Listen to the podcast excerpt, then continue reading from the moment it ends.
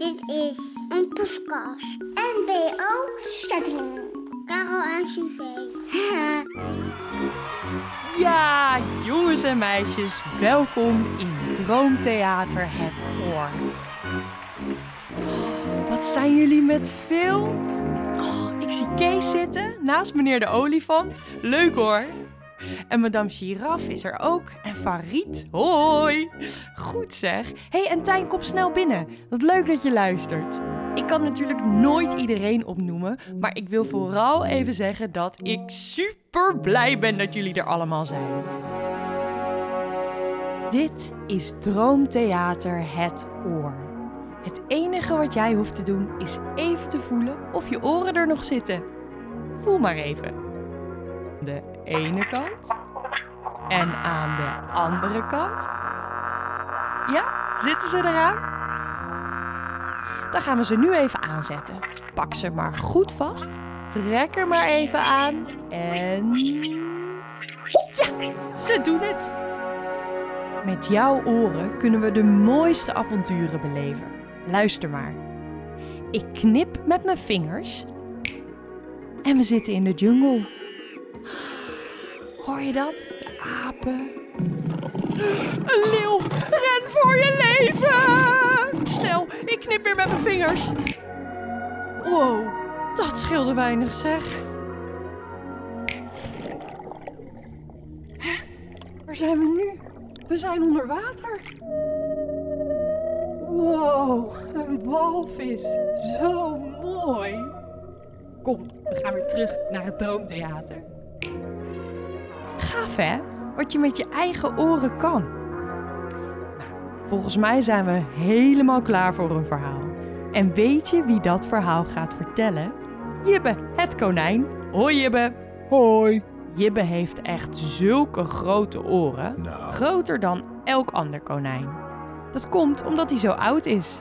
En met die oren vangt hij de mooiste verhalen op uit de hele wereld. Ja, ja. En die vertelt hij dan hier in het Droomtheater, speciaal voor jou. Ben je er klaar voor? Jongens en meisjes, applaus voor Jibbe.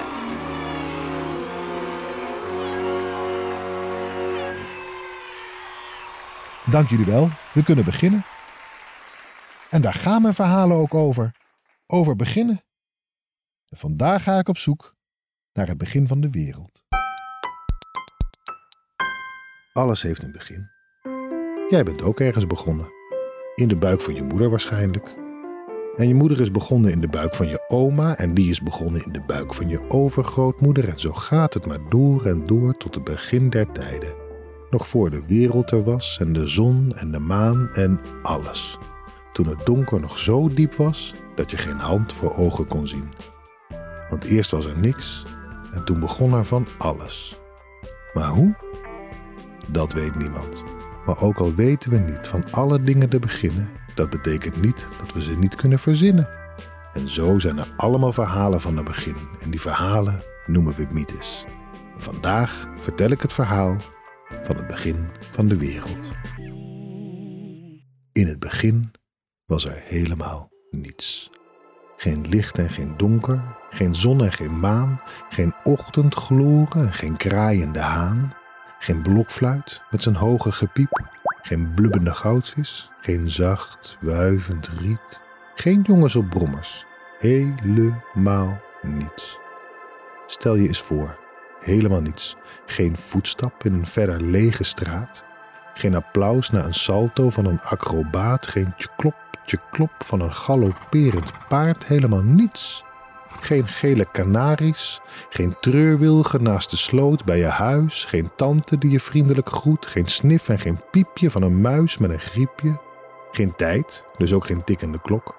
Geen wind, nog geen zucht, geen opwaaiende rok, geen land en geen strand, geen zee en geen lucht. Er was niks dan leegte, zelfs nog geen klein schapenwolkje. Stel je eens voor hoe dat klinkt, helemaal niks. Heb je dat wel eens gehoord? Probeer het maar. Wees maar eens helemaal stil. Hou je adem in en druk je handen op je oren. Je zal merken dat je nog steeds dingen kan horen. Het brommen en broemen en zoemen en suizen, de klop van je hart en het stromen van bloed, Zoals je in schelpen zeeën hoort ruisen, kan je in je oren horen dat je lichaam het doet. Maar in het allereerste, beginste begin, was er dus niks. Nog geen enkel geluid. Nog geen allerzachtst gefluisterd gefluister. Niet in oost, niet in west, niet in noord, niet in zuid. En ook de wereld bestond nog niet in die tijd. Op de plaats van de aarde was er een groot, gapend gat. En nu vraag jij je misschien af hoe komt het dan dat hier nu mensen wonen met auto's en huizen en honden en katten? Wel nu, dat ga ik je haar fijn verhalen, want sommige mensen die zeggen maar wat. Die maken je wijs dat de wereld begon met een eerste paal die werd geslagen, met een eerste huis dat werd gebouwd met baksteen en dakpan en gewapend beton en dat er na het eerste meer huizen kwamen. Met woonkamers waarin volwassenen praten en keukens en kelders, slaapkamers, zolders, toiletten om stinkende scheetjes te laten en scholen en winkels, een bibliotheek, een vuilnisbelt, zwembad en restaurantjes, een bioscoop, snackbar en een theater en natuurlijk het meer en natuurlijk de strandjes. Ze zullen je vertellen dat mensenhanden de hele wereld hebben gebouwd, maar niets, nee, niets is minder waar. We hebben de wereld te danken aan twee vreemde vogels. De bontgespikkelde gnoekakatoe en de paars gestreepte vlechtspecht. Want in het begin, het beginste begin, het allereerste beginste begin was er niks. Behalve twee vooraardse vogels, met bontgespikkelde gevederde vleugels, met paars gestreepte haren en vacht.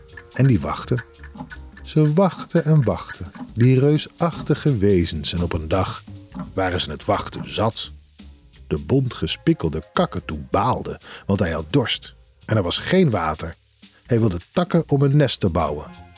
Maar zonder grond groeit er ook geen boom. En de paars gestreepte vlechtspecht, die was het zat dat er geen lucht was om loopings in te vliegen.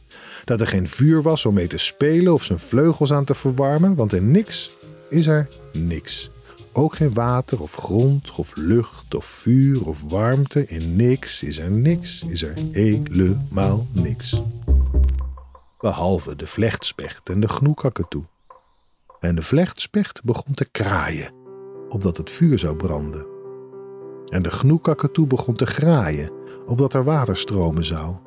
En de vlechtspecht begon te praaien, opdat er lucht kwam wervelen. En de gnoekakatoe begon te spaaien, opdat er grond zou aarden.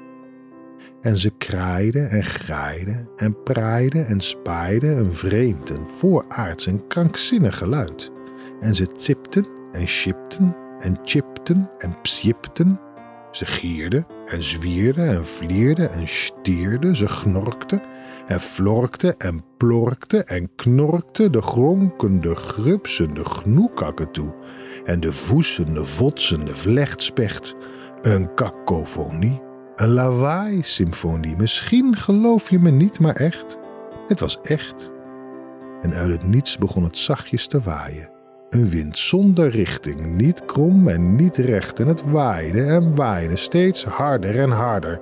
Een bries die steeds sterker en krachtiger werd. En langzaam kwam ook, druppel voor druppel, een kletsnatte neerslag de lucht uitgevallen. Het begon met een miserig motregenbuitje, maar stapsgewijs werden het stortwatervallen.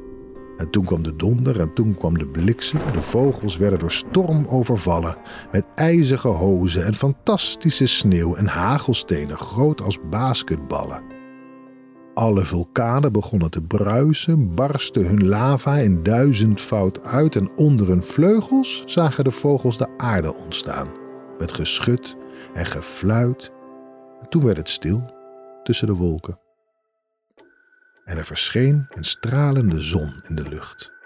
Een regenboog wikkelde zich om de aarde, de wereld slaakte een bewonderende zucht en uit die regenboog groeiden wij allen. Met huizen en mensen en auto's en dieren. Met fietsbellen, stoplichten, gele kanaries met mierende vliegen en vliegende mieren. Dus wat je ouders je ook wijs willen maken, wat de burgemeester beweert bij laag en bij hoog, waarover je leraren ook maar verhalen. De wereld ontstond met een regenboog.